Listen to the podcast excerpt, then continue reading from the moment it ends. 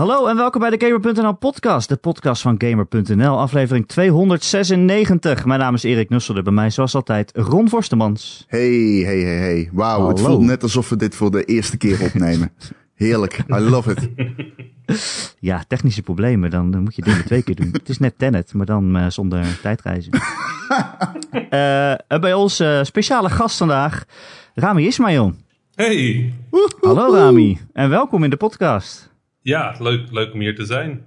Ja, top Ja. Dat, je, dat je mee wilt doen. Dat is eh, het voornaamste. Ja, Ik ga ook opnieuw zeggen dat ik ja, heel erg enthousiast erover ben. Ik vind het echt leuk. Er zat al een beetje achter je aan eh, op Twitter.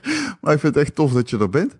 En, Ja, eh, het maar is, toch, eh, het is grappig, want... Ja, sorry, ik praat nu al door je heen. Al. of, of ik door jou, ik weet het nog niet. Maar-. Ik zat... eh, we, we hadden afgesproken dat jij in de podcast zou komen. Leuk en aardig. En ik kijk op Twitter. en ik zie een eh, announcement van Vlambeer. En ik denk, holy shit. Nu hebben we iets om over te praten in de podcast. Ja, dat was wel timing. Nou, ik vind, zoals zei, ik vind het sowieso leuk dat ik, dat hier een keer kan zijn. Want ja, Gamer.nl, dat, dat ken ik natuurlijk. Dat volg ik al jaren. Dus het is super leuk om hier een keer te kunnen zijn. Ja, de timing was wel heel bizar inderdaad. Ja, want voor de mensen die jou niet kennen, eh, voor de luisteraars, jij bent eh, de ene helft van Vlambeer, een, een Nederlandse indie studio, eh, onder andere van de games Ridiculous Fishing en Nuclear Throne. Je zou kunnen zeggen 50% van Vlambeer. Van de 50%. Indie Studio Vlambeer. De beer van Vlambeer. ik weet, ik weet nooit of ik de vlam of de beer ben, maar één van de twee. En eh, verder ook eh, ja, graag gezien een spreker over onder andere diversiteit in de gamesindustrie en over eh, ja, indie eh, studio's en hoe die eh, hun plekje kunnen veroveren binnen de industrie. Ja, en Vlambeer eh, stopt ermee, eh, hoorden we deze week. Wat is er gebeurd, Rami? Ja, de, de vraag is eigenlijk meer wat is er niet gebeurd. Hè? Kijk, je, je moet, je moet je voorstellen, Jan Willem en ik zijn, uh, Jan Willem Nijman, mijn medeoprichter en ik, zijn, zijn Ja. Vlambeer begonnen ongeveer tien jaar geleden nu. En eh, we waren destijds studenten aan de Hogeschool van de Kunsten Utrecht. Eh, die hadden een game design opleiding. Ja, dat is, niet voor het eerst dat ik en Jan Willem met games bezig waren. Het is niet alsof wij op ons 18e of 19e zoiets hadden van... eh, oh joh, wat zijn die videogames? Ehm, ik maakte al games sinds ik zes was. Jan Willem is volgens mij begonnen met games maken toen hij 13 of 14 was. En ik bedoel, dat waren geen goede games. Hè? Dat was echt gewoon, dat was troep. Maar we waren ermee bezig. En dan kom je op zo'n opleiding. Ja, eigenlijk, misschien is dat gewoon niks voor ons. Weet je wel? Dus we hadden allebei tegelijk hadden wij zoiets van, joh, we stoppen ermee en we gaan gewoon een, een bedrijf beginnen. Want je verveelde je daar? Of? Ja, Was je eigenlijk al te goed ervoor? We hadden, we hadden ehm, ik had ruzie met de school over de rechten over een project waaraan ik werkte. Oh, Ah, En eh, Jan Willem die was er gewoon een beetje klaar mee. Die, die voelde zich daar niet thuis. Die was toen al heel veel hele kleine games aan het maken. En ik en Jan Willem, wij ergerden ons echt aan elkaar. Ja, Ehm, Jan Willem is echt een heel eh, artistiek ingesteld mens. Eh, Ja. Die maakte 100 kleine spelletjes per jaar. En eh, 96 ervan waren troep. Drie ervan waren minder troep en één ervan was goed. Weet je wel? Ehm, en ik maakte één keer per anderhalf jaar werkte ik aan grotere, ehm, aan grotere games. Dat was een heel klein onderdeel van een, van een team. Ehm, dus ja, wij, wij zagen elkaar echt als soort van tegenpolen. Eh, ik werkte aan commerciële titels waarmee je geld verdiende. En Jan Willem die werkte voor de kunst, weet je wel. ja. En ik vond dat Ja. hij troep maakte en hij vond dat ik eh zieloos spul maakte. sell-out. Maar ja, toen gingen we allebei van school af. En ik besefte me dat ik niet goed was in ideeën beginnen. En Jan Willem besefte zich dat hij niet goed was in ideeën afmaken. Ehm, ik, was, ik was goed in games verkopen en commercieel toegankelijk maken. En Jan Willem was goed in eh, dingen goed laten voelen. En we hadden zoiets van, nou weet je wat, als we er allebei mee stoppen. Ik heb geen inkomsten, jij hebt geen inkomsten. Waarom gaan we niet samen gewoon één of twee games maken? Net genoeg om, om een, begin, een, een begin van een carrière te hebben. Ja. En dan kappen we ermee mee. oh ja. Het is een beetje... Ja, vertel verder, sorry. Dat was een beetje het idee. Weet je wel? Eh, alsof, eh, een, eh, alsof in een Amerikaanse actiefilm morgen met pensioen ging of zo. Nog één game maken. Ja, One last job. maar dat wat was- is dat? Wat is dat met Vlambeer? Dat, dat is althans hoe ik dat een beetje ervaar. Dat alles bij jullie altijd zo fucking explosief is. Snap je een beetje wat ik bedoel? Het is nooit een, een steady decline of incline. Het is altijd zo explosief. Ja, nou dat is, dat is dus een deel van, van Jan Willem. En ik kan je uitleggen hoe dat gekomen is. Kijk, Jan Willem die was niet goed in spellen afmaken. En die is toen ehm, deel geworden van een community, een soort online forum. En eh, dat was een groepje mensen en die maakten gewoon heel snel maakten die games. Weet je wel, die kwamen dan om drie Ja. uur, smiddags kwamen die uit school. En dan eh, had er iemand gepost, maak een game over eh, een hond die achter een auto aanrent. en dan was de deadline was acht uur 's avonds. Dus dan gingen ze in 3,5 uur gingen ze een game zitten maken. Ja, nou ja, om te zorgen dat dat nog enigszins leuk voelde, ging je heel over de top met special effects. Gewoon makkelijke, simpele dingen. Eh, screen shake, eh, hit effects, eh, weet je wel, je hitbox een beetje aanpassen. Ja, Gewoon ja, hele ja. kleine touches die meteen heel goed voelen. Ja. Ehm, Jan Willem heeft dat jarenlang gedaan. Dus zijn gevoel voor impact, zijn gevoel voor beweging, voor, voor eh, kinestiek als het ware, de, de impact van dingen, Hmm. is ongelooflijk. Ja, als je dat als, je dat als, eh, als talent in je studio hebt, ja, dan gaat natuurlijk alles gaat exploderen. Ja. Ja, dan, kun je wel een hele leuke game gaan maken over rondwandelen. Maar ja, de- de- hoe krijg je daar nou explosies? Het is ons wel gelukt om in een visgame explosies te stoppen, dus Ja, precies. anderzijds. Maar ik bedoel ook een beetje buiten de studio om, weet je wel. Het is altijd, bij jullie is het nooit eh, eh, rustig aangegaan. Ik heb altijd het gevoel dat jullie ehm, heel erg, ehm, ja, hoe zeg ik dat goed? Dat jullie nooit heel erg eh, steady gingen. Het was altijd de ene na de andere game kwam opeens uit en Ja. shook the world. En vervolgens komen jullie tien jaar later opeens met wat ik dan noem het explosieve besluit. Om gewoon te zeggen, ja, we, we zetten er een punt achter. Ja, nou dat was ik dan weer. Dat ik, ik, ben, ik hou van dramatische aankondigingen. Daar ben ik gewoon fan van. Eh, ik vind dat als je iets gaat doen, moet je het wel op zo'n manier doen dat er, dat er aandacht voor is. Ehm, ja. Dat betekent soms, soms zijn dat hele saaie dingen. We hebben er toen ooit Prescott gemaakt en daarmee kunnen indies hun, hun perscommunicatie mee op, op stand zetten. En wat nog steeds door heel veel indie Ja. developers gebruikt wordt. wordt door vrijwel iedereen is dat Ja, de tegenwoordig een standaard. zo'n beetje. Ja. Ehm, ja, het zijn, maar bijvoorbeeld ook Luftrausers die gewoon op een dag op GDC tijdens het grootste evenement van het jaar. eh, alle pers was in één gebouw. En normaal gesproken brengt niemand aankondiging uit tijdens de periode, omdat. Alle pers is in één gebouw en iedereen heeft het daarover. Zoals zoiets van, nou, als niemand op die dagen games uitbrengt, doen wij er een. Flamber was altijd een beetje tegendraads en dat maakt het Ja. altijd. Maakt het, het voelt altijd explosief, maar eigenlijk was het altijd best wel berekend. Ehm, en voor ons was het altijd belangrijk dat als Flambeer wat deed, dat het wel iets moest zeggen. Weet Ja. je, het moest ergens voor staan. Het moest staan voor eh, creativiteit, voor independent development, voor een bepaalde manier van zaken doen of over dingen nadenken. We wilden altijd dat, ehm, dat als je naar Vlambeer keek, dat je wel zoiets had van: oké, cool, dat, dat hebben we nog niet eerder gehoord of dat hebben we nog niet eerder gezien. Of ik kan, ik kan niet geloven dat niemand dat ooit heeft gedaan. Toen wij de eerste studio ter wereld waren die op Twitch een game verkochten, Ja. toen, toen had iedereen zoiets van: oh ja, eigenlijk wel logisch hè? Want iedereen zit je game te kijken. Waarom, waarom kunnen ze hem daar dan niet kopen? Ja. Ehm, ja, we hebben dat nu eigenlijk precies hetzelfde gehad. Dit, Maar- deze bes- dit besluit was precies dat. We hadden zoiets van: maar waarom stopt niemand? Nou ja, dat is wel zo. Studios gaan ja. altijd maar failliet. Of, eh, Ja, eh, of iedereen wordt ontslagen. Of, Ja, of of, ze eh, maken de een- uitgever een- heft ze op of zo. Of ze maken bagger, of ze worden verkocht aan een of andere grote partij. ja. Er stopt nooit iemand eigenlijk zomaar. Dat Nee. is, klopt wel. Dus toen hadden wij zoiets. We, we zaten een paar weken geleden zaten we in een telefoongesprek. En eh, toen was ze van: dan gaan we nog plannen voor de tiende verjaardag. ja, stop. En ik, en toen- ik denk dat je Willem zei van ja, we moeten nog een keertje hebben over wanneer we ermee kappen. En toen hadden wij allebei zoiets van. Gaan we dan een tiende verjaardag doen en dan zes maanden later zeggen van joh, we kappen ermee? Of zullen we dan gewoon even. Zullen we het dan gewoon tegelijk doen?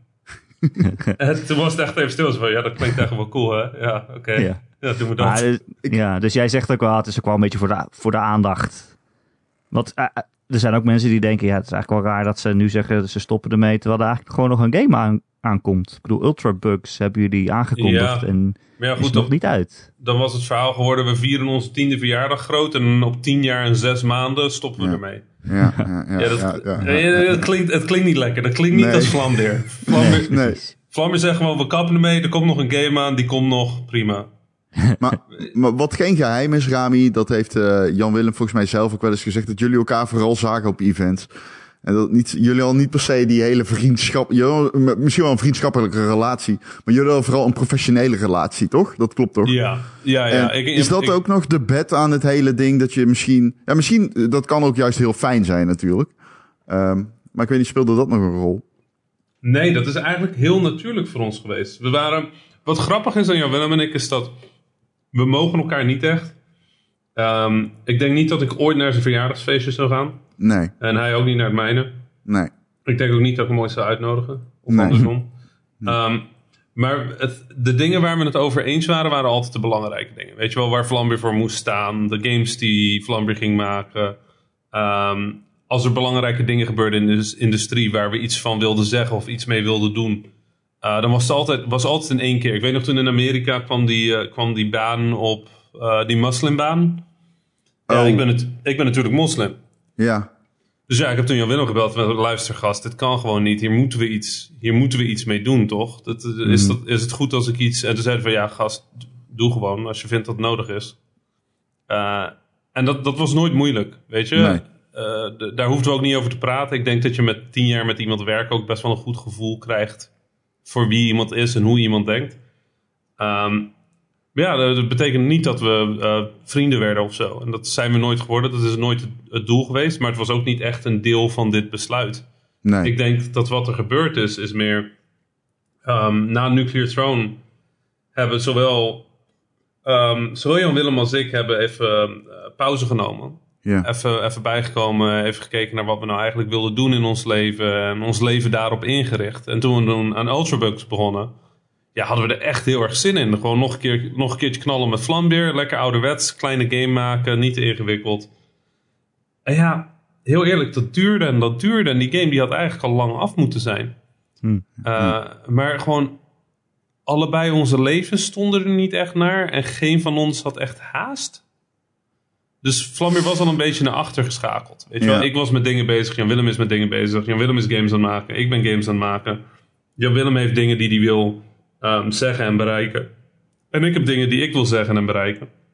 Het waren gewoon niet dezelfde dingen meer. Ja, dan kunnen we wel Vlambeer blijven, maar wat is dan het, het nut ervan? Nee, ja, ja, precies. Ja, en Jan Willem is er natuurlijk nu zelf niet bij om zich in dit gesprek te mengen. Dus eh, wat dat betreft is het ook een beetje raar natuurlijk. Maar um, waar, waar zit dan. Um, nee, laat, laat, ik het anders zeggen. Zat het er in die zin heel erg aan te komen?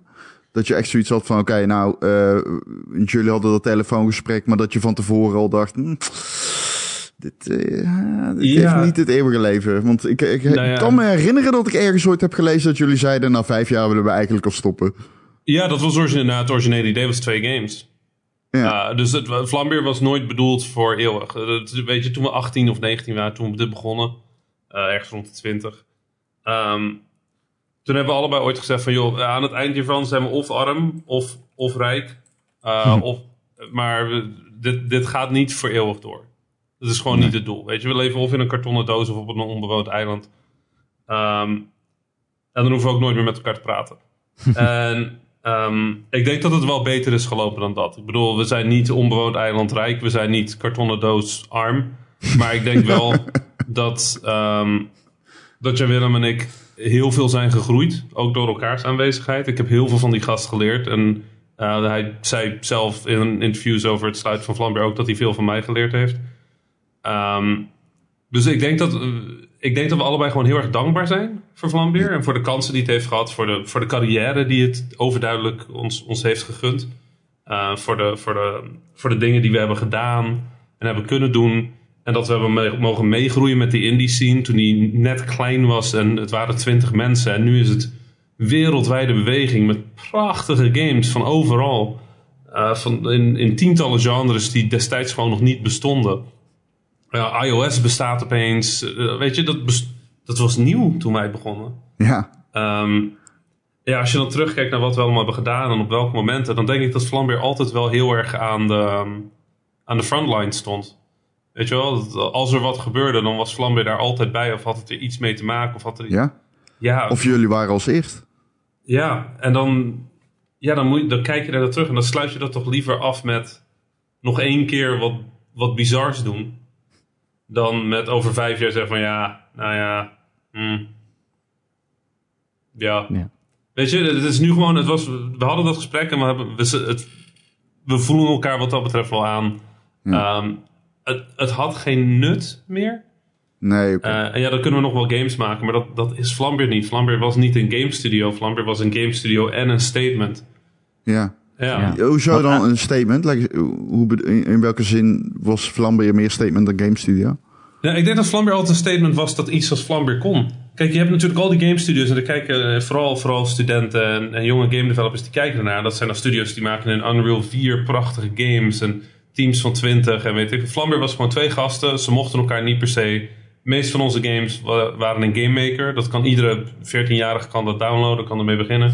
We hebben onze zaken altijd heel eerlijk en open en toegankelijk besproken. We hebben altijd gezegd van hier, als je een optie ziet, als je een, eh, een opportunity ziet die, eh, die andere mensen niet ziet, dan pak je hem. Dan ga je Ja. het doen en dan ga je, dan ga je daaraan werken. We hebben altijd gezegd, als je eh, een keer een game moet bouwen voor geld, dan bouw je een keer een game voor geld. We hebben Dinosaur Zookeeper was puur voor geld. Dat is niet onze beste game. Ehm, dus ik weet niet eens of je het echt een goede game mag noemen. Eh, oh, ja, nou, Maar ja, er zijn er meningen over verdeeld. Ja, maar ja, dat, weet je, dat, daar waren we gewoon. Dat was destijds. Je mocht als indie niet zeggen dat je geld ging verdienen. En wij waren gewoon van ja, we hebben een deal genomen met Cartoon Network. Die geven ons een zak met geld. En eh, we hebben een dinosaurus game gemaakt. Ja, heb, heb jij een hekel aan dat stigma? Nou ja, de, kijk, ik, was, ik kwam natuurlijk uit een deel van de industrie waarin mensen geld verdienden. Ja, En dat klonk mij wel heel chill. ja. Eh, geld is dus- leuk. Ja, dus eh, toen ik in de indie scene begon, toen was het echt. ehm, ik, ik was niet populair, laten we het zo zeggen. Mensen hadden echt zoiets van: ja, die gast is hier voor het geld. En die gaat, die gaat de indie scene. eh, die, die, die is gewoon, die hoort er niet bij. Ja. Ehm, daar heb ik best wel tegen moeten vechten aan het begin. Ehm, en het hielp dat ik Jan Willem had, want Jan Willem was betreft, wat dat betreft echt een indie. Uh, maar het is die, die hele rare combinatie tussen die twee, ja, tussen die twee jochies destijds, die dat allemaal mogelijk heeft gemaakt. En op een gegeven moment was het ook wel omgedraaid. Want op een gegeven moment ben je 22 jaar als Ja. groep indies, van 20, Ja. 20 mensen van 22, en dan heb je opeens toch wel geld nodig. Ja. Ehm, en ja, toen wilde iedereen, dat, dat was destijds ook een ding, mensen wilden een Rami. Zo iemand Oh, ja. die, die de zaken kon doen en die, daar, die kon zorgen dat jij gewoon je games kon maken. Ja, ik was dan natuurlijk ook programmeur bij Flambeer. Ja, Uh, maar die rol is altijd een beetje. We hebben altijd gezegd, we, naar buiten presenteren we het heel simpel. Jan Willem doet het design, Rami doet de zaken. ja. Ehm, kijk, Was het, in, was, het in, was het in de praktijk, was het, was het, was het ook zo? Nou ja, goed. Jan Willem begon met de games en ik, ik zorgde ervoor dat ze klopten en toegankelijk waren en dat er geen bugs in zaten. En Nee. Ehm, we, we sparren heel veel over design. Maar Jan Ja. Willem had absoluut vetomacht over alles in het design. Uh, de, uiteind- de uiteindelijke verantwoordelijkheid voor alles in het design is Jan Willem. Zelfs als ik een idee had en hij zette het erin. Als iedereen in de, re- in de reviews zei dat dat kapot was, dan was Jan Willem schuld. Wie heeft besloten over de soundtrack van Luftrausers? Nou, dat is dus leuk. De mensen met wie wij werkten. Want dat is, dat is ook nog wel iets dat mensen vergeten. Flambeer is natuurlijk twee jongens. Ja. Uh, maar uh, de teams waarmee wij werkten waren echt bijzondere mensen. En uh, Yukio Kallio, uh, die nu meest recentelijk bekend is van de Fall Guys soundtrack, Mhm. Ja. die heeft de Luftrausers soundtrack gemaakt. En het enige wat wij hebben gezegd tegen hem is dat we graag wilden dat ieder vliegtuig een eigen nummer had. En Yukio heeft ons echt aangekeken met absoluut, ik ga niet 150 nummers maken. en hij is toen uiteindelijk met het idee gekomen dat we uh, afhankelijk van welke motor, welke vleugels en welk wapen je op het vliegtuig zetten, dat ieder van die onderdelen een layer van de soundtrack veranderde. Uh, dus je kan echt in Luftrausers kun je door je vliegtuig te bouwen kun je de soundtrack remixen. Ja. Ja, dat was Yukio. Ja, Was- zijn, Was Ja. de muzikant. Er zijn, nee, precies, ik, ik, ik ken hem. Er zijn eh, twee eh, soundtracks die ik luister als ik aan het hardlopen ben. Dat is Luftrausers en The Last Ninja. En in willekeurige volgorde, kan ik je vertellen. En, ja, Ja. fantastisch.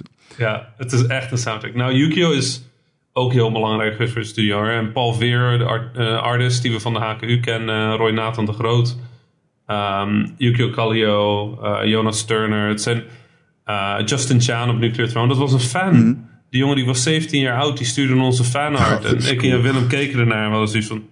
Kunnen we deze gast huren? En we hebben hem toen een e-mailtje gestuurd.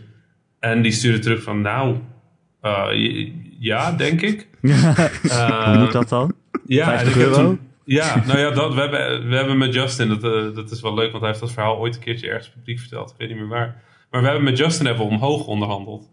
Ja. Oh, Die, ja. die kwam echt met een bedrag aan waarvan we sowieso van, gast, luister.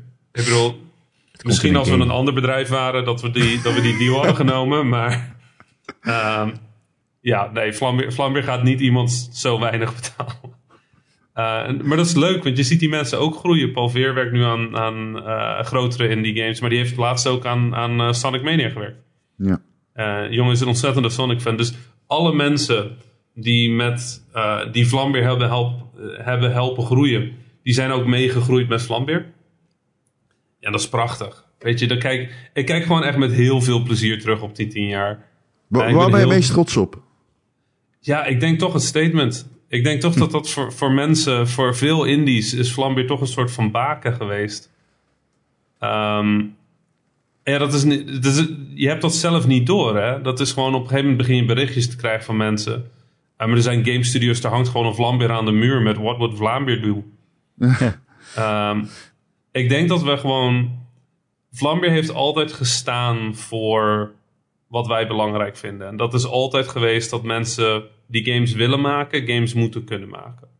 Ja. En ik denk dat Vlambeer altijd de belofte was dat dat kon. Dat het kan werken. En Ja. dat heeft, het is echt niet alsof dat een soort masterplan was of dat wij er heel erg briljant in waren. We waren gewoon op het goede moment op, op de goede plaats. Ehm, maar ja, je moet, er- je moet daar wel zorg voor hebben. Weet je wel, als je, als je ergens voor wil staan, moet je wel zorgen dat je er ook echt altijd voor staat. En ik denk dat Vlambeer dat heeft gedaan. Ik denk dat het alleen nu niet meer nodig is. Je hoeft niemand te overtuigen dat je een indie developer kan zijn. Nee. Nee. Want wat, wat, iedereen- was er dan, wat was er dan anders tien jaar geleden? Kon Ja. niet iedereen een game maken die dat wilde? Ja, niemand geloofde dat het kon.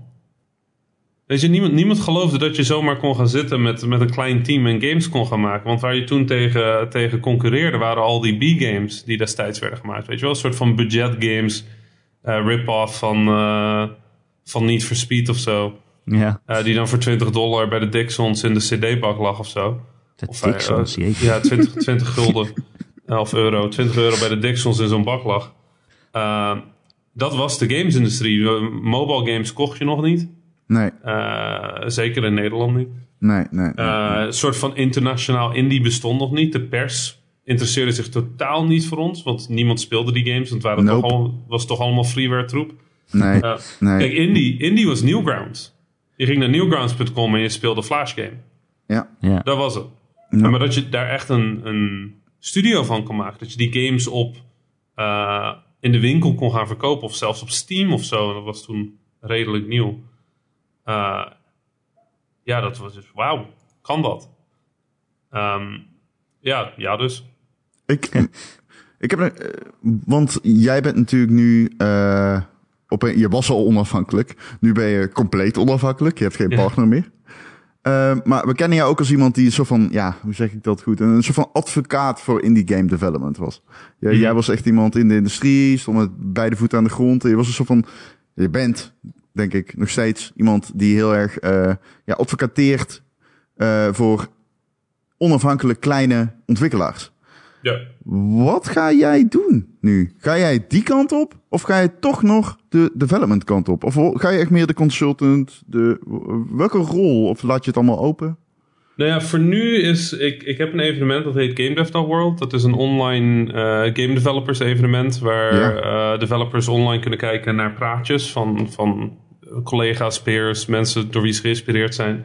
Mhm. En dit was in acht talen. Mensen mochten hun eigen taal spreken en wij vertaalden dat voor ze. Dus we hebben ook sprekers uit landen die normaal nooit mogen spreken. Hebben die, hebben we die kunnen laten spreken en hebben die hun kennis laten delen. Ehm, dat is denk ik nu even mijn eerste prioriteit. Ik wil daar echt ik wil daar wat groters van maken. Ik denk dat het heel veel waarde had voor heel veel developers. Ik denk dat het in heel veel landen ook soort van duidelijk heeft gemaakt dat er talent daar is. Eh, dat, ze- dat er mensen zijn die ehm, op dat internationale publiek niveau kunnen spreken, zelfs al kunnen ze niet per se Engels. Mhm. Ehm, en ik denk dat ik daar nu even aan door wil bouwen. Dat wil niet zeggen dat ik geen games meer ga maken. Ik heb ook een paar game ideeën. Die liggen ook klaar. Ehm, een paar daarvan ben ik zelfs al mee aan het pitchen. Ehm, dus het is, oké. het, is niet, het is niet alsof ik ophoud met games maken. Maar voor nu, de eerste periode, denk ik dat mijn focus even is op, uh, op Game Dev World. En ja, ik doe ook consultancies, maar dat deed ik als Flambeer ook al. En dat is meestal ook niet. Uh, weet je, bij consultancy denken mensen meestal aan iemand die 5000 euro vraagt om 30 minuten met uh, weet ik voor wie te gaan zitten. Nee, mensen kunnen mij gewoon een belletje geven als ze vastzitten met een indie game of ze, ze zoeken iemand of weet ik veel wat. Um, en dat doe ik al tien jaar en dat blijf ik ook gewoon doen. Uh, nou ja, zo heb je jezelf ook altijd gepositioneerd. Dus dat is dan mooi, want dan is er niemand die daaraan twijfelt. Nee. Je zegt dat je gaat uh, pitchen. Ja, u speelt voor advocaat van de duivel. Maar betekent dat inderdaad dat je dan overstaat naar de dark side? Wat misschien Jan Willem dan zou zeggen? Of... Uh, Nee, nou ja, ik denk dat dat wel. Kijk, de gamesindustrie verandert heel snel. En dat is, dat is best wel moeilijk hoor. Uh, ook voor, voor een studio als Flambeer. En ik denk dat dat ook wel een van de redenen is dat ik het nu wel leuk vind om gewoon weer even. Ja, ik begin natuurlijk niet vanaf nul. Nee. Uh, maar gewoon weer even uh, een soort van halve reset te doen. Een soft reset als het ware. een soft reset. Um, Mooi. Maar ik vind, ik vind het wel cool dat de industrie nu anders is. Ik kan niet gewoon wat ik met Flambeer heb gedaan nog een keer gaan doen. want flash games die bestaan niet meer. Nee. Um, maar ja, het is nu, het is, de industrie verandert zo uh, bijna gewelddadig nu. We gaan, we gaan naar subscriptions, uh, games as a service. Uh, er zijn nu al die boutique publishers. Nou, daar kun je als indie eigenlijk niet tegenop. Ik bedoel, succes met meer marketingbudget hebben dan Devolver Digital of Annapurna of Off Fury. Ja. Um, maar tegelijkertijd geeft dat wel weer hele interessante opties om andere dingen te maken dan de dingen die ik de afgelopen tien jaar heb gemaakt. Want ja. Zat natuurlijk best wel vast aan, nou ja, dit is het team, dit is het budget. Um, dit willen we doen. En nou, ja, we zitten nu toch in een tijd dat er misschien wat meer opties zijn om, om teams op te stellen, om resources bij elkaar te zoeken, om te zorgen dat je wat geld hebt. Ja. Um, ja dat vind ik eigenlijk, vind ik eigenlijk gewoon heel interessant. Maar dan, oké, okay, dus dan Oké, okay, dat, is, dat kan ik me compleet voorstellen. Dat, er openen hele nieuwe deuren nu voor jou. Het is Ja. natuurlijk uh, opeens staan, uh, en, en ze staan ook allemaal wagenwijd open voor Rami natuurlijk. Iedereen kent jou, laten we eerlijk zijn. Alleen een, een soort van uh, een kenmerk voor een Flambeer was toch wel een beetje die arcade feel. Ja. Hè, het was natuurlijk, jullie brachten arcade terug. Ja, En dat was een groot wapenfeit van Vlambeer. Ik weet dat ik Luftrausers voor het eerst speelde. En dat ik echt dacht, holy shit, dit is... Je weet al na één minuut dat het goed zit, zeg Ja. maar. En um, is dat iets, is dat dan meer Jan Willem? Of is dat meer Rami? Of uh, is dat iets waar je, je jezelf afscheid van ziet nemen? Uh, in het kader Ja. van je horizon verbreden? Ik denk dat dat meer Jan Willem is. Mm, ik denk dat ik wel heel veel heb geleerd ervan. Uh, Want weet je wat het gekke is aan arcade games? Mm. Uh, het gekke aan arcade games is, er zit zo weinig in dat alles wat fout is, is duidelijk. Dus je, je weet het meteen. Je, je weet meteen of een arcade game goed voelt. Of dat hij niet goed voelt. Je weet meteen of het bewegen lekker gaat. Of het springen lekker voelt. Of het schieten goed voelt. Ehm, je, je hebt ook niks om het mee te verbergen. En ik heb altijd het gevoel dat je in, in grote games... eh, Je speelt AAA-games en dan- die kun je spelen... en dan denk je van, nou ja, dit, dit is wel goed... maar dit, ja, dit is eigenlijk niet zo lekker. En dit, weet je, deze knop voelt niet helemaal goed. En Nee. uh, dit is een beetje traag, maar er zit dan zoveel game waarin je het nog een soort van kan wegverstoppen. Dat, dat heb je met arcade gewoon niet. Als je een arcade game wil maken, dan moet het gewoon kloppen. Het moet gewoon goed voelen. Ja. Uh, ja, ik weet dus niet of ik arcade games ga maken in de toekomst. Ik, kan, ik denk, ja, ik kan niet voor Jan Willems spreken. Ik denk dat dat meer Jan Willems ding is dan mijn ding. Ehm, maar die lessen, gewoon zorgen dat alles goed voelt. Gewoon zorgen dat je echt, weet je, niet verstoppen achter de grootsheid of de complexiteit van een game. Uh, dat, dat heb ik wel echt van Vlam weer meegenomen. Dat ga je ook nooit meer uit mij krijgen. Uh, zo kijk ik gewoon naar games nu. En het eerste wat ik doe met die game idee. Ik denk dat ik vroeger, als ik een game idee had, dat ik vanuit, vanuit een veel verhalendere hoek was gekomen. Um, en ik denk dat nu, als ik een game idee heb, dan is het eerste wat ik denk: van wat is de gameplay loop? Hoe, hoe voelt de feedback? Weet je wel, hoe, hoe kunnen we hier progressie uithalen? Ja, ja dat, is, dat is hoe Jan Willem ernaar kijkt. Kijk, in grote studio's, um, iedere studio heeft zijn eigen manier van naar zo'n game toe werken. Sommige studio's doen dat zoals ik dat vroeger deed, en sommige studio's doen dat zoals Jan Willem het doet. Um, ik denk dat ik door Jan Willem wel overtuigd ben dat de games die ik wil maken, die, die moeten vanuit die hoek beginnen. Het voelt, het voelt gewoon leuker. Ik heb, dat met Des, ik heb dat met Destiny, ik ben een groot Destiny-fan. Same, shout-out. Maar als je Destiny, als je Destiny gewoon een, een tijdje gespeeld hebt, eh, dan weet je, zelfs als je nu je controle niet in je handen hebt, weet je precies het tempo van je double jump. Ach, heerlijk dat je dit zegt. Ik weet precies waar ik land. Ik zeg dit Ja. altijd tegen Erik. Ik zeg dit echt altijd tegen Erik. Dat bij de, de, de double jump in Destiny is de beste double jump in. Ik weet precies op waar ik op deze steen voor mij ga landen. En je weet precies hoe lang de knop ingedrukt moet. Je weet precies wanneer je hem moet drukken. Ja, Ehm, ja, dat, dat is game feel. Weet je, dat is, dat is hoe je een game goed maakt. Het zit niet in het grootste verhaal. En het zit niet in de, in de world. Het zit gewoon, zijn de knoppen goed? Weet je, en Destiny, wat mij betreft, ze kunnen 90% van de game eruit halen. Als die double jump erin blijft zitten, Yep. zou ik met alle plezier blijven spelen. ja 100% eens. Ja, Ja, dat, op- ja. Ze hebben dat in alles. Dat zit in, in Destiny zit dat in alles. De guns, als je de trekker overhaalt. Eh, Ja. als, je, als je bepaalde wapens hebt, je weet precies hoe ze Headshotjes. voelen. Yep, Oh, het, en dat lekker. is. Dat, ja, ik heb voor Bungie, ik heb extreem veel respect voor Bungie. Als dat Ja, ik ben een paar keer bij Bungie geweest. Ik liep daar echt als een negenjarige rond in een snoepwinkel. Ik bedoel, ik kon gewoon niet gelezen. Ik heb zoveel respect voor Bungie. Ik ben nu op dit moment eh, Halo 1 opnieuw aan het spelen. Mhm. En het is gewoon, eh, je ziet gewoon de, de, de, de, de, die voetdruk van Bungie games, die feel van die games, is zo doorlopend aanwezig. En ik Ja. heb echt het gevoel dat er tot een soort van explosie is gekomen inderdaad in Destiny. Waar je gewoon bij bepaalde headshots op die, eh, het voelt eh, inderdaad die double jump en gewoon, ah man, die game bestaat uit feel. Ja. Inderdaad, ik hoef mijn controller niet vast te hebben om Ja. te weten hoe goed dat voelt. Maar ja, dat vind ik interessant dat je dat zegt, want dat is eh, mijn go-to voorbeeld. Ja, ja dat, dat is het. Ik denk dat dat heb ik wel uit Vlambeer meegekregen. Dat als ik games wil maken, dan wil ik daar beginnen. Of het dan een arcade game is of niet. Ja, dat maakt mij niet zo heel veel uit. Uh, weet je wel, of ik dan uh, iets, iets, um, iets groters ga maken. Of iets uh, artistiekers of iets vagers. Of gewoon alsnog een arcade game. Wat het ook gaat worden. Moet gewoon lekker voelen. Welke knop je ook indrukt. Het moet kloppen. Het moet, het moet voelen. En dat is ontzettend veel werk. Um, ja, daar, ik heb heel veel geleerd van Jan Willem daarvan. En dat is, uh, dat is ja, echt heel cool. Is er een, uh, een alternatief universum waarin jij in een, bij een hele grote studio werkt? Bij een Bungie of bij een Gorilla of zo? Of, of, had dat nooit gekund eigenlijk? Was je daar nooit gelukkig geworden? Ik denk niet dat ik dat kan, moet ik heel eerlijk zeggen. Het is gewoon echt niet mijn ding. En uh, ik bedoel, het is ook deels omdat ik gewoon wil kunnen zeggen wat ik wil zeggen. En ja, dat kan niet als je voor een grote studio werkt. Weet je, ik krijg bij Vlambeer genoeg e-mails naar de baas. Dat ik op Twitter wat heb gezegd waar uh, vervelende internetkindjes boos over zijn. Oh. Ja, nou ja, goed, ik ben de baas, dus ik krijg die e-mails. En dat is altijd heel ongemakkelijk, want dan moet ik opeens weer een meeting met mezelf gaan hebben. maar um, ja, dat is, dat is wel de realiteit van uh, eerlijk willen zijn over hoe games gemaakt worden en hoe bepaalde beslissingen gemaakt worden. Zelfs als die beslissingen niet populair zijn. Ik bedoel, ik ben geen fan van microtransactions, maar ik kan je wel precies uitleggen waarom ze gebeuren. Ja, ja. Dan, als ja. ik dat dan uitleg, dan denken heel veel mensen dat ik dus voor ben, maar ik ben niet voor. Maar ik wil wel gewoon.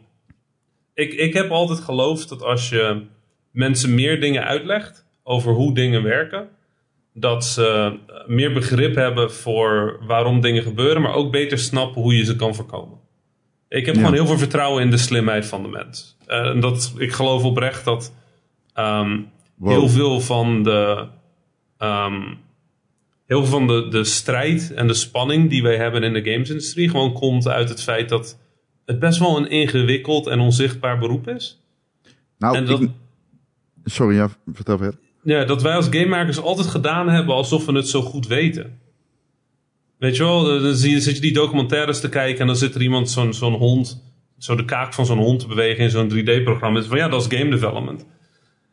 Ja, dat, of zo'n motion capture shot, weet je wel. Als je zo'n making-of hebt gezien, dat je dan iemand in zo'n groen pak ziet. En ja. dan zie je zo'n zie je zo'n 3D-model dezelfde beweging maken. En dan zie je de volledig getextured, complete versie van het karakter in het spel gewoon naast elkaar. Alsof dat het proces is. Maar het is veel ingewikkelder dan dat natuurlijk. En we hebben altijd gedaan van nou, dit is, weet je, het is wel te overzien, het is wel makkelijk. En we zijn eigenlijk nu pas een beetje oprecht aan het worden dat we echt geen idee hebben wat we aan het doen zijn. Maar is dat ook niet de manier hoe slimme studio's dat via hun PR-kanalen naar buiten pompen, zodat het behapbaar is voor de algemene media, zeg maar? Ja, ik denk het wel, maar ik denk dat het dus, dus als side effect heeft dat iedereen nu denkt dat ons werk makkelijk is. Ja, ja, ja. En ja, dat, dat is moeilijk, want dan krijg je opeens uh, moeilijkere dingen, moeilijkere situaties. Ja, heel veel in games is gewoon testen. We hebben in Nuclear Throne best wel gedoe gehad, want we brachten dan iedere week brachten we een update uit. Ja. En, dan, uh, en soms hadden we gewoon, oké, we gaan deze verandering maken. En de eerste drie weken gaan we al het gezeik gewoon negeren. want we willen niet weten of de mensen het beter vinden dan het oude ding. We willen alleen weten of het, of het beter is. Ja. En ja, als je iets verandert, iedereen wil het oude terug. Maar, maar dat is dan wel een beetje, want jij zegt net, um, ik heb vertrouwen in de slimheid van de mens. Ja. Maar ja, ik lees wel eens jouw mentions op Twitter. En dan heb ik niet de indruk dat de slimheid van de mens profileert, om het zo maar even te zeggen. nou ja, het is absoluut niet het luidste gedeelte. Nee, ik denk dat, dat, maar dat is het hem. Ik heb vertrouwen in de slimheid van de mens, omdat ik vertrouwen heb dat games meer is dan de mensen die met mij vechten op Twitter. Ja. Weet je, Ja. er zijn Ja. miljoenen, miljarden gamers wereldwijd. En de meeste ervan gaan niet met een willekeurige indie dev op Twitter zitten arguen over of een bepaald armor nou wel of niet ongepast is. Ja. Weet je, ze- ik, ik ken gamers, ik heb ze ontmoet op PAX, ik heb ze ontmoet op, op eh, GDC, ik heb ze ontmoet op mijn reizen, ik heb ze in mijn e-mail, in mijn DM's. Ik praat met honderden, soms wel duizenden mensen op een dag op, op evenementen. Ehm, en het, het voornaamste wat eruit komt is gewoon, mensen zijn gewoon blij om te gamen. Het is, het, is, het is gewoon, het is leuk, ze vinden het interessant, ze vinden het spannend. Sommige mensen willen, willen zelf games maken. Eh, sommige mensen willen gewoon aan het eind van de dag met wat te drinken op de bank kunnen ploffen. Een game spelen. Sommige mensen zitten non-stop Die Hard League of Legends te spelen. Eh, sommige mensen spelen Candy Crush op een telefoon. Weet je wat? Ik vind het allemaal goed. Maar het belangrijkste voor mij is dat het biedt mensen, het biedt mensen iets. Hoeft Ja. niet eens lol te zijn of plezier. Ik heb, gisteren heb ik mijn, mijn eh, Platinum Trophy voor Destiny 2 gehaald. Dat was Shout-out. eh 6,5 uur stress. Godverdomme. Maar Niet de makkelijkste trofee ook, even tussendoor. Ja. Ehm, maar ja, eh, het geeft je wel iets. En ik denk dat het merendeel van de gamers zijn gewoon heel chill, heel slim, heel, ehm, heel geïnteresseerd in, in die games. En ja, soms, weet je, ik heb er ook niks tegen dat mensen soms boos worden. Want het is natuurlijk, ik hou heel erg van sommige games. En ja, als de developer dan iets doet waarvan ik denk van gasten, wat, Ja. wat, wat is er mis met jullie? Ehm, ja, als ik dan even 10 minuten stil zit en denk van, nou weet je, het zijn slimme mensen. Ze hebben een game gebouwd waarvan ik hou. Dan, het kan niet zijn dat, dat het idioten zijn. Nee, maar ik vraag, het, ik, ik vraag het ook een beetje omdat jij hebt dus nu met eh, Game Dev World een soort van globale games conference. Ja, Hè? Die- nou ja, die was er niet, laten we eerlijk zijn. nee, klopt. Die was er niet in die zin. Ehm, dat zeg je zelf ook met, eh, oh, dan gaat het maar om taal. Ja. En heb je het gevoel dat gamers vanuit een bepaald aspect van de wereld gewoon te weinig gehoord hebben? Dan hebben we het Midden-Oosten, dan kun je het misschien hebben voor Azië, dan kun je het misschien hebben voor Oost-Europa, al denk ik dat die kant vrij vocaal is. Maar dat, gewoon dat we misschien onszelf te beperken naar een bepaalde manier van naar games kijken vanuit het Westen. Ja, dat denk ik wel. Ik denk dat, kijk, games zijn natuurlijk traditioneel heel erg eh westers-Japans georiënteerd geweest. Maar ja, je merkt, je merkt wel dat als er games komen uit andere gebieden, dat die soms ook, eh, nou ja, goed, het lijkt uit het niks. eh, ontzettend succes. Ik bedoel, een van, de, een van de populairste studio's ter wereld is Oost- Oost-Europeaans. Right? The, The Witcher en CD, eh, Ah, CD. Projekt Red. Ehm, dat, dat was een hele kleine studio in een gebied van de wereld waar geen investeerder in had geïnvesteerd. Eh, die zijn begonnen met volgens mij kopietjes van games resellen. Ja, die hebben letterlijk, eh, die, die waren echt aan het branden op gewoon CD-ROMs. eh, ja. nee, maar dat, weet je, dat, dat zijn van die verhalen waarvan ik denk van ieder land ter wereld heeft een CD Projekt. Weet je, ieder land ter wereld heeft een studio ehm, die echt bijzondere dingen zou kunnen maken. ja, maar ik, ik bedoel, kijk naar Guerrilla. Ja. Weet je, dat, dat is, je kan dat Nederlands noemen. Maar ja, is dat Ja. eerlijk? Hoe Ik eerlijk denk, is het dat? stiek- ik denk het stiekem wel, weet je dat? En De Guerrilla, ik vind het wel heel grappig dat Guerrilla heeft wel echt een Nederlandse vingerafdruk. Eh, het, het, en het zit er hem een beetje in dat het... ehm, het is een heel pragmatische game. Ja, Het is heel praktisch. Het is gewoon, oké, Ja. we, hebben, we hebben heel goed arttalent. Eh daar zijn we, traditioneel zijn we daar heel goed in geweest. Ja.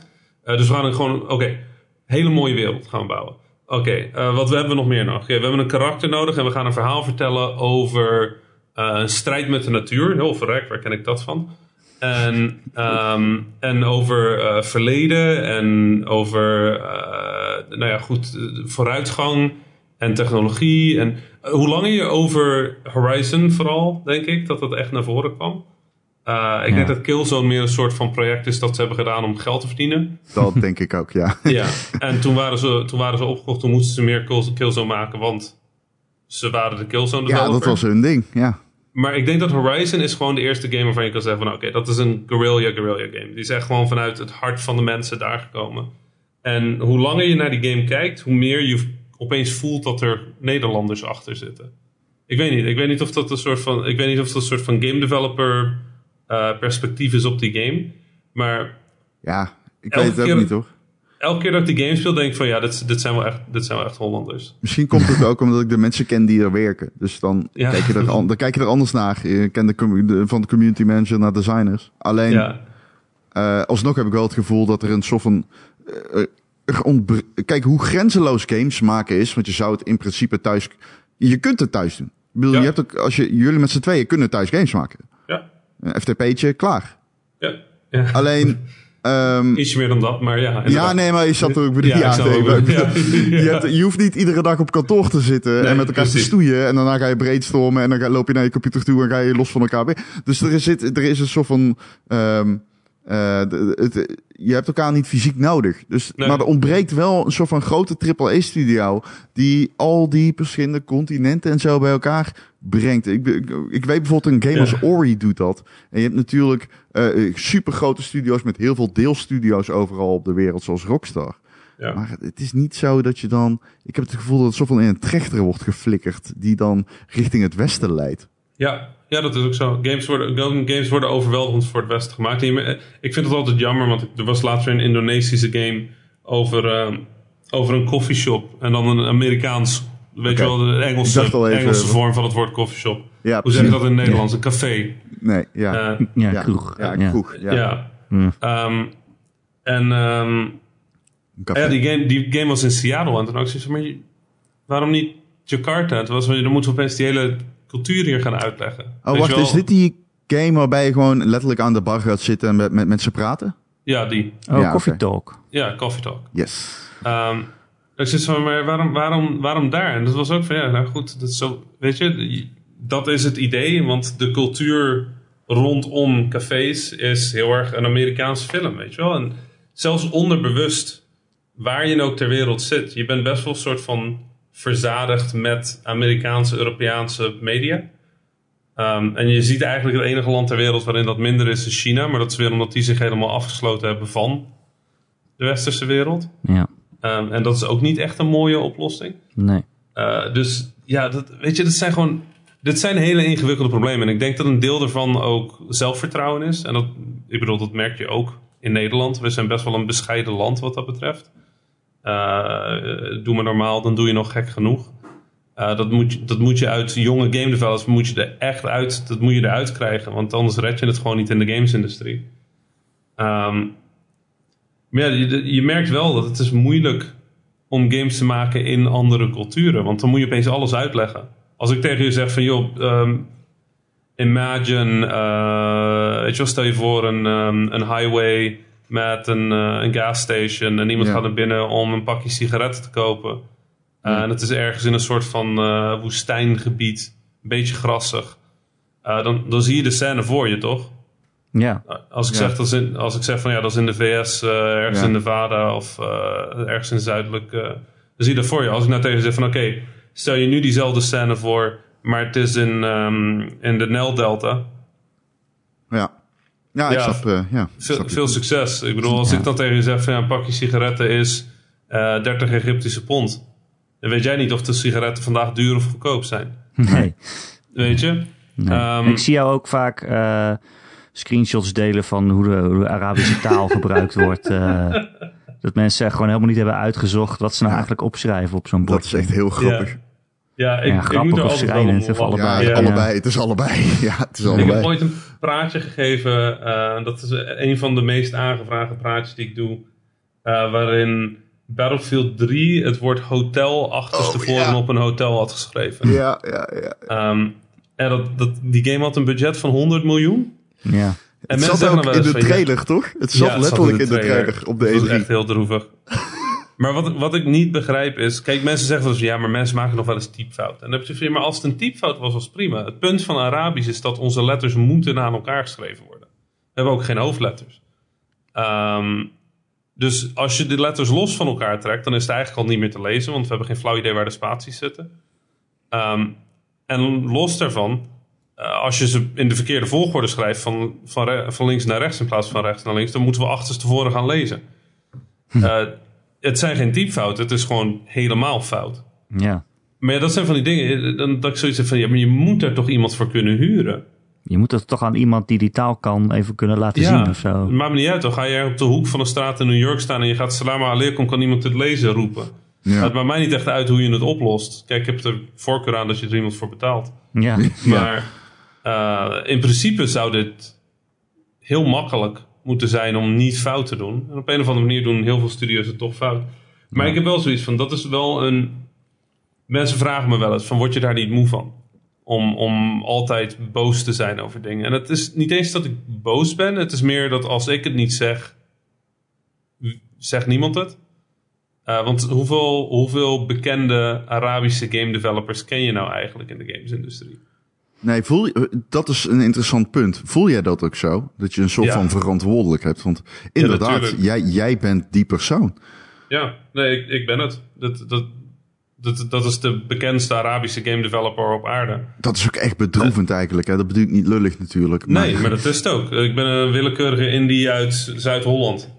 eh, die half Egyptisch is. En ik ben de beste vertegenwoordiger van een Arabische game developer op het internet. Dat, dat is droevig. Ja. Eh, dat zou niet zo moeten. Er zou gewoon ergens een Egyptische of, of Saudische of Libanese game developer moeten zijn die iedereen kent. Dan heb je, eh, je hebt Joseph Fares nog. Oh ja. eh, van. Brothers. Ja. Ehm, die is ook best zegbaar, maar die is minder publiek.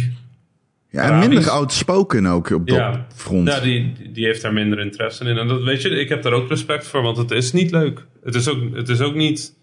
ehm, het is niet de verantwoordelijkheid die ik wilde. Ik wilde alleen ook niet stil zijn. Ja, de, ja, als je kan kiezen tussen de verantwoordelijkheid op je nemen of je mond houden terwijl je denkt van nou, jong, dat kan toch beter. Ja, ik ben niet het type om dan stil te blijven. Het lukt Ja. me gewoon niet. Kijk, ik wilde niet afsluiten met jouw veren in je reet steken. maar ik, ik, ik heb wel eens in deze podcast gezegd dat jij een perfect uithangbord bent voor de game-industrie. En dan heb ik het niet eens over de Nederlandse game-industrie. Maar toen jij bij de Wereld Draait Door zat, toen jij die Game Ambassador Award had gekregen. Oh ja. Ik, weet, niet, ik was eh, plaats, ik, eh, je, je hebt plaatsvervangende schaamte, maar ik had plaatsvervangende trots of zo. Ja. Dat, dat ik dacht van ja, oké, kijk, ik had dit niet beter kunnen zeggen. Jij kwam met dat voorbeeld van die eh, Poolse game studio die ik even niet meer eh, helemaal. In This War of Mine, 11-bit. Dankjewel, inderdaad. Ja. Ehm, en ja, ik dacht echt van oké, dus ik, dit is wat je nodig hebt. Je hebt iemand nodig die dit op een begrijpelijke manier kan vertolken naar het brede publiek en daarin ze verantwoordelijk inziet. Want je hebt ook mensen die gaan daar zitten, maar die, die gaan Ja, zitten daar voor zichzelf. En daar is ook niks mis mee natuurlijk. Maar op het moment dat jij wel die verantwoordelijkheid neemt, dan is het eh, iets waar ja, eh, mensen als ik en Erik dan ook eh, ja, een soort van trots op kunnen zijn of zo. Ik weet niet. Want, Ja. Dat wij fijn. zijn natuurlijk ook maar gewoon journalistjes die praten over games voor, wat zal het zijn, 3000 luisteraars. En eh, wij doen dat vanuit een passie. Maar het is natuurlijk altijd moeilijk om die link te vinden met het eh, grote, grote publiek. En ehm, ja, in het verleden zijn er wel eens mensen geweest die dat dan deden en die deden dat minder goed. En dan heb je iemand als jou en jij doet het nagenoeg perfect. En dan denk ik, ja, Ja. oké, dus dit is wat we nodig hebben. Je hebt iemand nodig die dit kan. En jij bent die persoon. En je bent nog Nederlands ook. Want laten we eerlijk zijn. Je had net zo goed uit Amerika kunnen komen. Voor dat, wat dat Ja. betreft. Ja, nee, het is, ik, heb, ik heb heel erg geluk gehad wat dat betreft. Ik heb altijd. Ik denk dat ook opgroeien tussen twee culturen daar best wel mee geholpen heeft. Want ik heb altijd aan, zeker aan mijn Egyptische familie, moeten uitleggen wat ik nou eigenlijk doe. Ehm, maar ik denk dat. Ik denk dat mijn oma was die mij ooit heeft gezegd: van, eh, Weet je, het is, je bent pas ergens goed in als je het kan uitleggen aan iemand die er niet goed in is. Damn.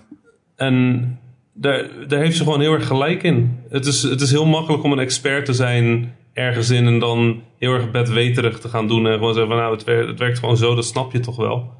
Maar ja, dat is geen kunst. Je hoeft ergens maar een klein beetje beter in te zijn om, om bedweterig te doen. Als je ergens echt goed in bent, dan moet je het kunnen uitleggen op zo'n manier dat iedereen het zou moeten kunnen volgen. En ik, ik weet niet of ik echt goed ben of zo. Uh, dat wil ik ook helemaal niet zeggen. Maar ik denk wel dat ik altijd dat in mijn achterhoofd heb gehouden. Dat als ik het niet goed kan uitleggen, dat ik het zelf nog niet helemaal snap. Hm. En ja, dat, weet je, dat blijf ik gewoon oefenen. En ik blijf gewoon beter. Ik blijf gewoon proberen beter te worden in games maken. Ik blijf gewoon proberen beter gebruik te maken van dat platform dat ik heb. Um, want ja, ik, zo, dat ben ik. ik. Ik kan niet anders. Ik wil niet anders. Uh, ik denk dat ik in een ontzettend unieke positie ben beland. Uh, deels door kunde, deels door puur geluk. Um, en ik weet, niet, ik weet niet hoe lang dat blijft. Ik weet niet hoe lang ik dit platform heb, weet je wel, dit bereik. Hoe lang ik Nee. invloed kan hebben op hoe de gamesindustrie uh, groeit of verder gaat of uh, zich ontwikkelt. Ik denk dat, dat, dat ik met Vlambeer uh, de afgelopen tien jaar een impact heb gehad waar ik persoonlijk trots op ben. Um, en voor zolang ik dit nog kan, ja, hoeveel mensen krijgen die kans om dit te doen, joh?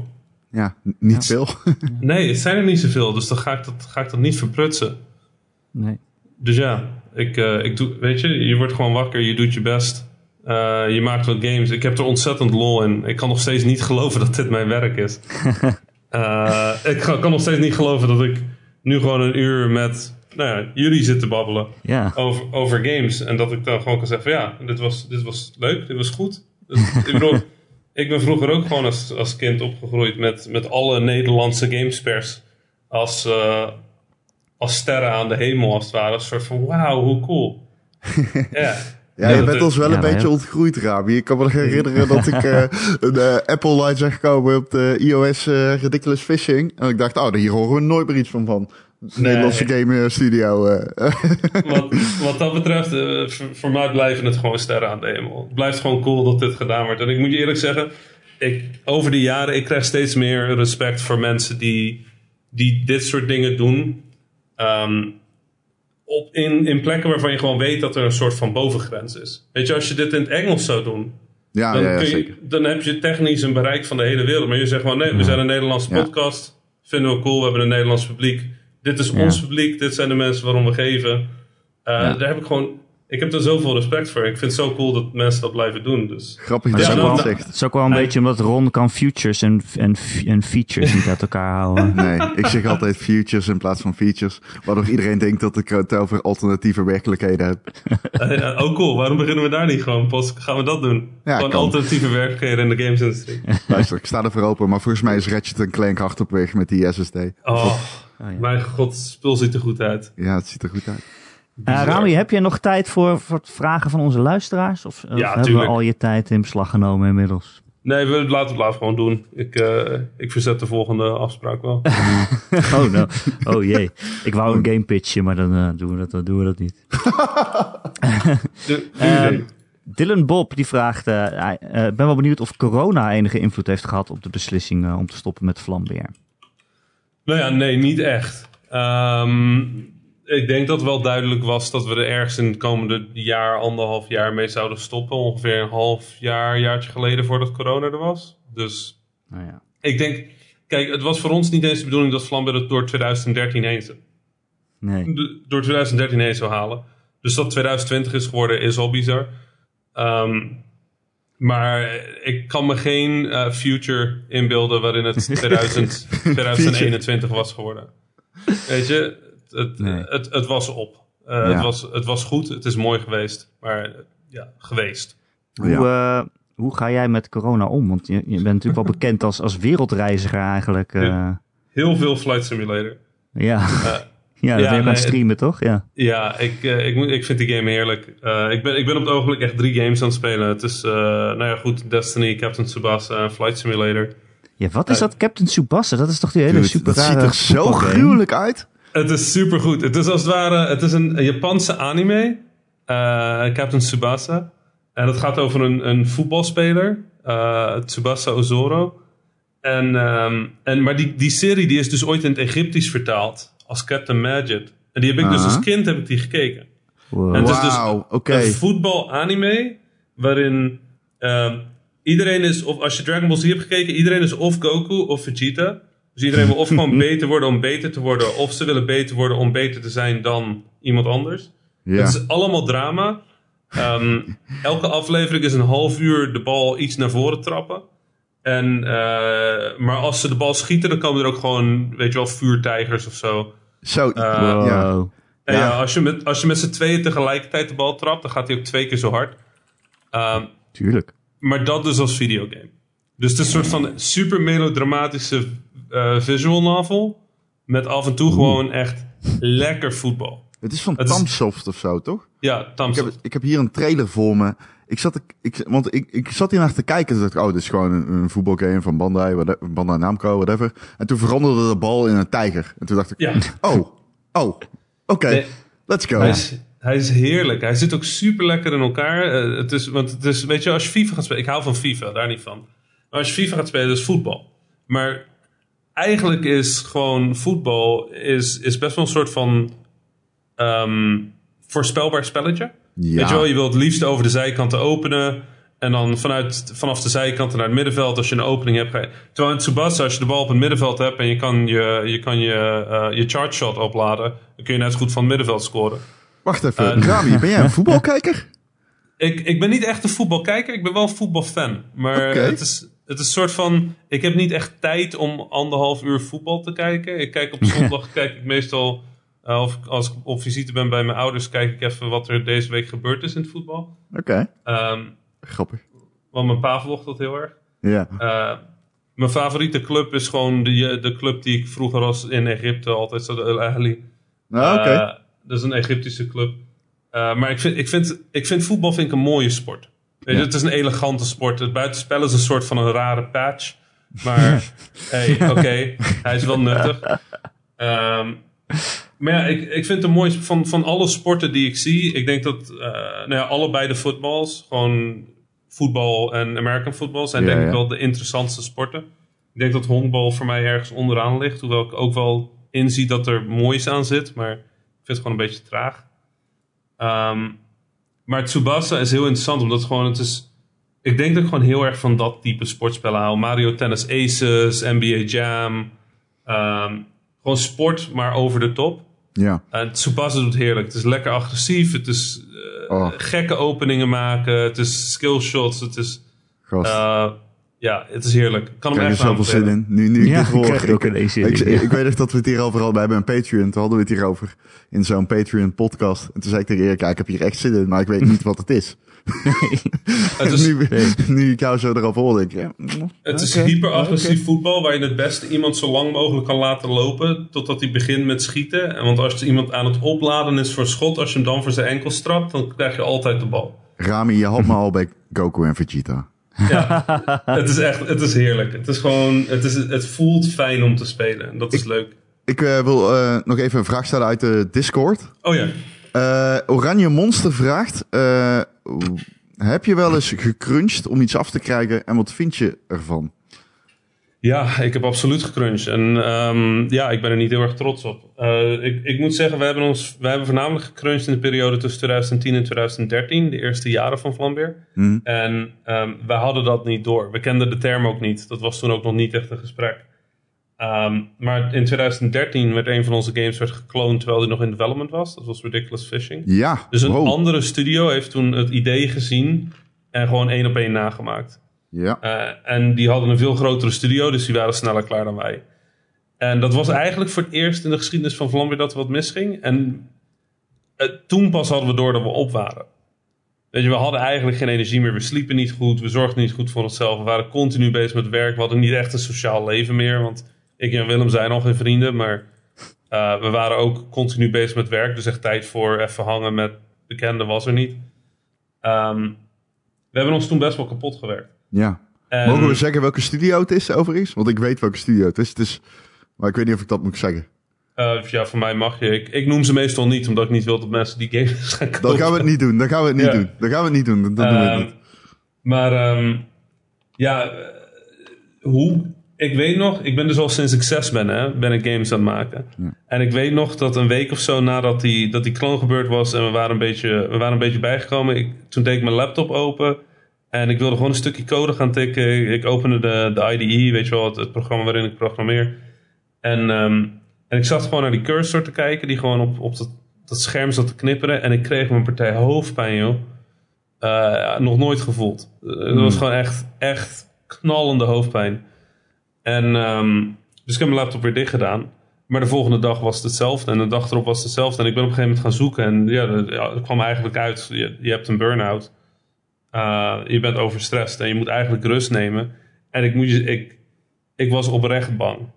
Dat ik heb mijn hele leven heb ik mijn best gedaan om een game developer te worden. En nu heb ik drie jaar heb ik een game studio. En ik heb het al, ik heb het al helemaal ik heb het verpest. Hmm. Um, en daar zit dan nog bovenop dat wij de keuze hadden. Weet je, het was onze keuze om zo hard te werken. Terwijl als het, op een industrieschaal is crunch uh, natuurlijk veel gevaarlijker. Want het wordt je opgelegd door je bazen. Of het is een soort van sociale verwachting tussen je collega's.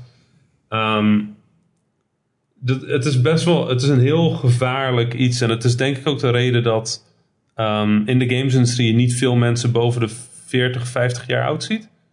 Nee. Je lichaam trekt dat gewoon niet. Je, je, je, je mind trekt dat gewoon niet. De zonde, want er gaat er zoveel kennis verloren. Uh, we hebben niet, weet je wel, dus de, de elders waar we naartoe kunnen gaan. Niet veel in ieder geval. En zeggen van, joh, hoe hebben jullie dit dan opgelost? Wij, wij moeten elke tien jaar moeten we alles opnieuw uitvinden. Ja, dat is eigenlijk is dat zonde.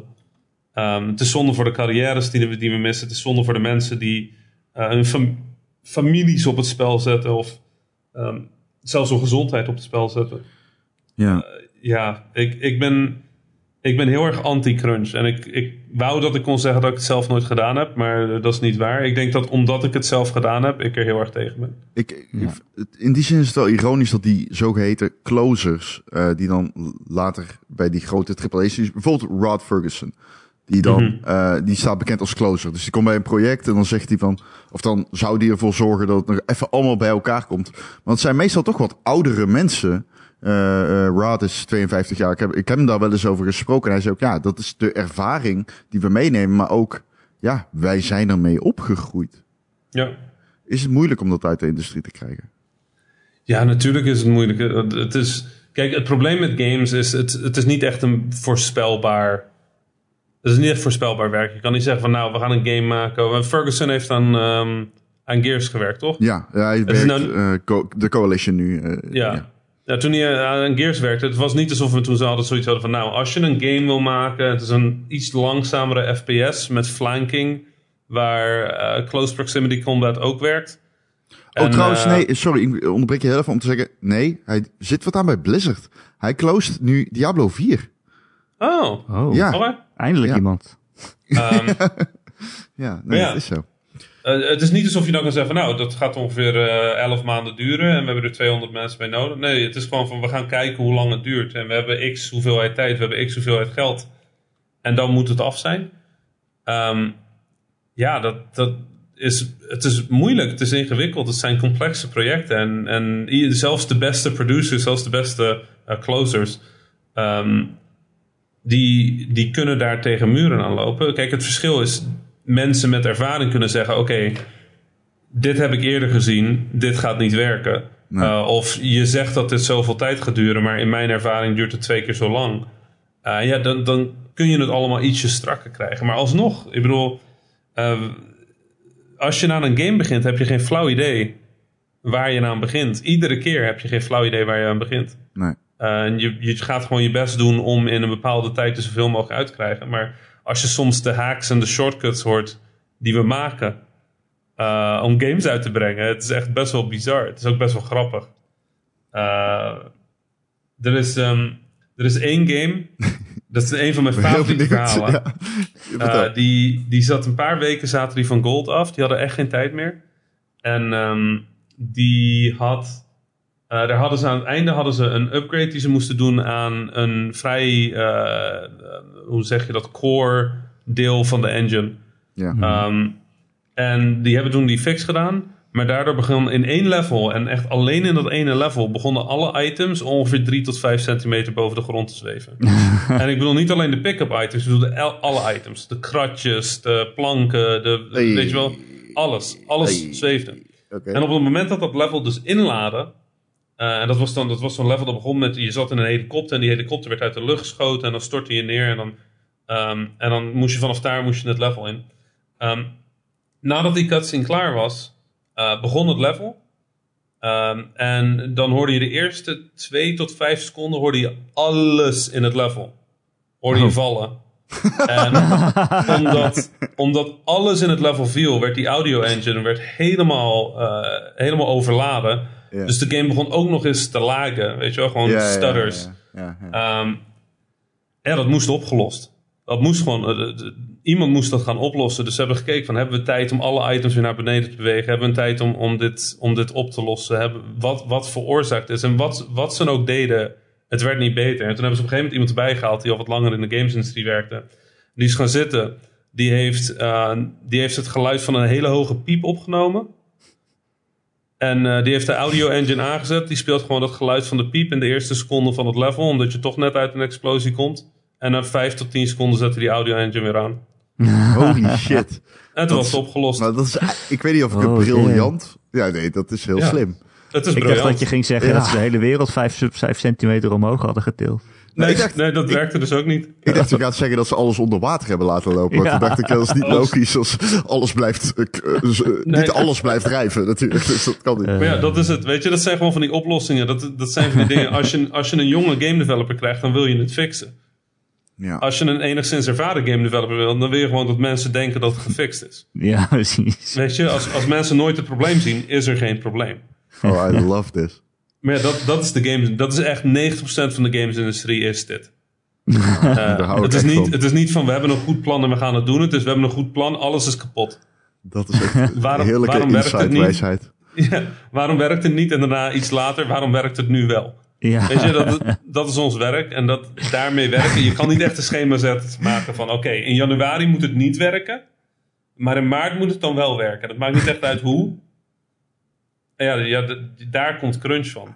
Eh, maar deel Ja. daarvan is dus dat mensen niet de tijd krijgen om eh, dingen te verprutsen en dan weer goed te maken. Ja, dan, Nee. dan krijg je soms moeilijkheden. Als ik dan nog een, een laatste vraag mag stellen Ja, die daar ook een beetje op aansluit. Eh, van Marky Mark komt die, vriend van de show. Ehm, wat kunnen consumenten doen voor een betere game-industrie? Als in minder crunch, meer gelijkwaardigheid, dat soort dingen. Is er iets wat Ja. luisteraars zelf kunnen doen? Ja, kijk, eh, een van de belangrijke dingen die je kunt doen is gewoon in de gaten houden hoe, ehm, hoe de teams over de games praten. En dat is, eh, dat, dat bedoel ik dus niet gewoon de, de, ehm, de PR volgen, want die is er altijd wel. Maar volg de developers die werken aan de games waarvan je houdt. Gewoon dat je een beetje context krijgt over wat ze doen. En onthoud dat ze, terwijl ze bij een studio werken, ze meestal vrij beperkt zijn in wat ze mogen zeggen over een project. Mhm. Uh, als je verhalen over, hoort over crunch. Kijk, eh, een groot deel hiervan is gewoon uh, hoe de wereld werkt. Het is een economisch probleem. Mensen moeten geld verdienen. Uh, en je kan zeggen van nou, ik koop geen games die met crunch gemaakt zijn. Ja, enerzijds is dat heel cool. Anderzijds betekent dat ook dat de mensen die aan die game gewerkt hebben uh, ontslagen worden. Dus Ja, er zit ook een soort van. ja, daar zit dan ook nog eens een, een moeilijke balans aan.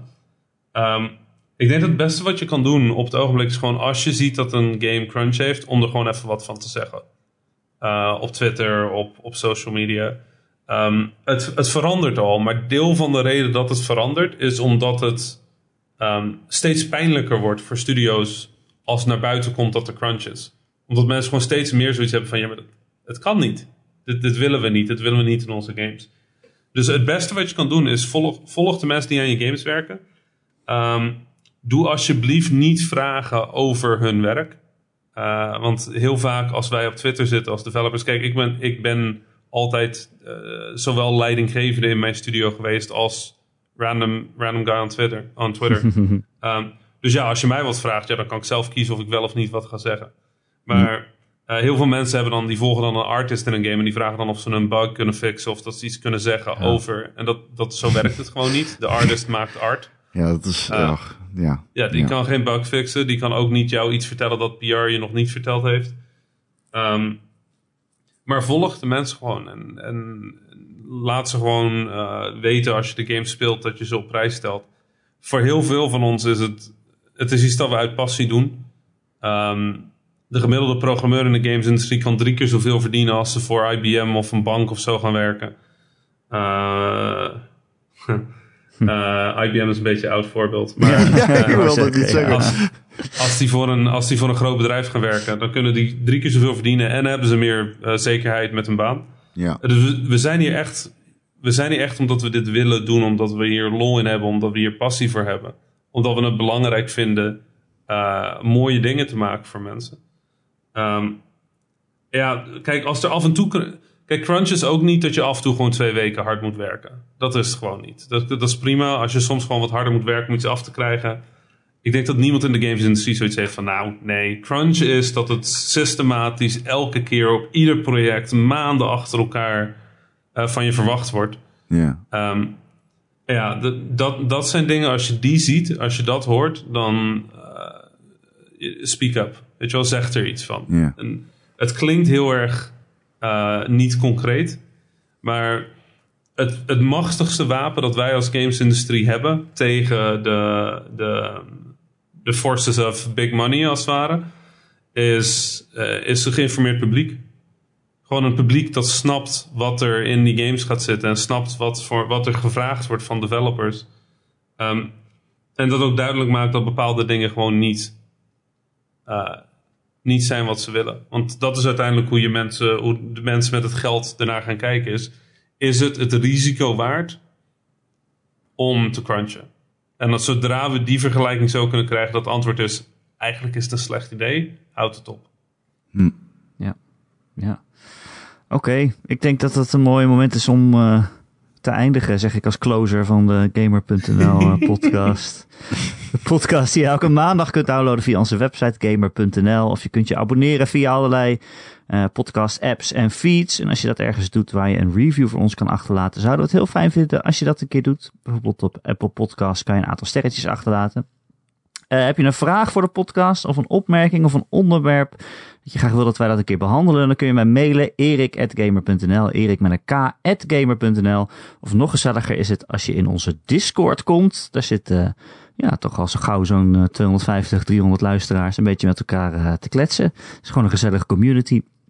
En de link daarvan die vind je in het artikel waar je ook deze podcast in vindt op maandagochtend dus op gamer.nl. Als je meer van ons wilt, dan kun je ons ook steunen via Patreon. Patreon.com slash Ron en Erik.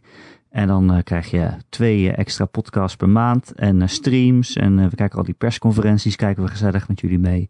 Dus nou ja, leuk als je op ons, ons op die manier wilt steunen.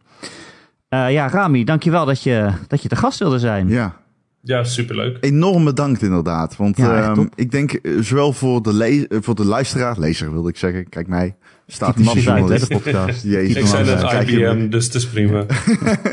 maar zowel voor de luisteraar als voor, ook, ik denk ook voor ons, weet je, voor, voor mij en Erik. Ik bedoel, uh, als ik over, ik, ik, ik recenseer al zo lang games, maar ik, je komt niet altijd in aanraking, zeker niet vanuit Nederland, met de mensen die games recenseren. Tegelijkertijd staan die recensies wel op Metacritic. Metacritic. En ik denk dat het gewoon belangrijk is dat je die, die, die lijn niet verliest. Dat je weet dat het ook nog een menselijk product is. En daar ben jij zo goed in. In vanuit jouw standpunt dat ventileren. En dat is echt uh, zeer waardevolle kennis. Dus ik ben enorm dankbaar dat je dat uh, ja, hier kwam vertolken. Dus dankjewel. Ja, jullie bedankt. Ik vond het hartstikke leuk. Ja, wat ik al zei, het blijft voor mij de sterren aan de hemel. Dus ik vind het. Uh, ik, ben, ik ben er stiekem wel een beetje giechelig over dat ik dit vandaag nog heb kunnen doen. Ik vind het leuk. nou ja, zeg. Uh, Ron, jou ook weer bedankt. Jeetje, ja, ja. dankjewel. Dus je hebt ook mijn ster aan de hemel, dat weet je. Ja, de hypernova jij... van mijn bestaan. Ja, ik durf met jou niet over sterren te praten. We kennen de Patreon-podcast, dat gaan we niet doen. Dat ging, uh, tot hier ging het redelijk goed met het netjes houden. Ja. Hij houdt zich nu in, Rami. Hij is nu echt... Dit is, hij is op zijn best geweest. Ja, hè? Vind je niet dat ik me goed heb gedragen? Ja, ja, ja. Ik ben trots op jou. hey Ron en alle luisteraars, tot volgende week. Tot volgende week.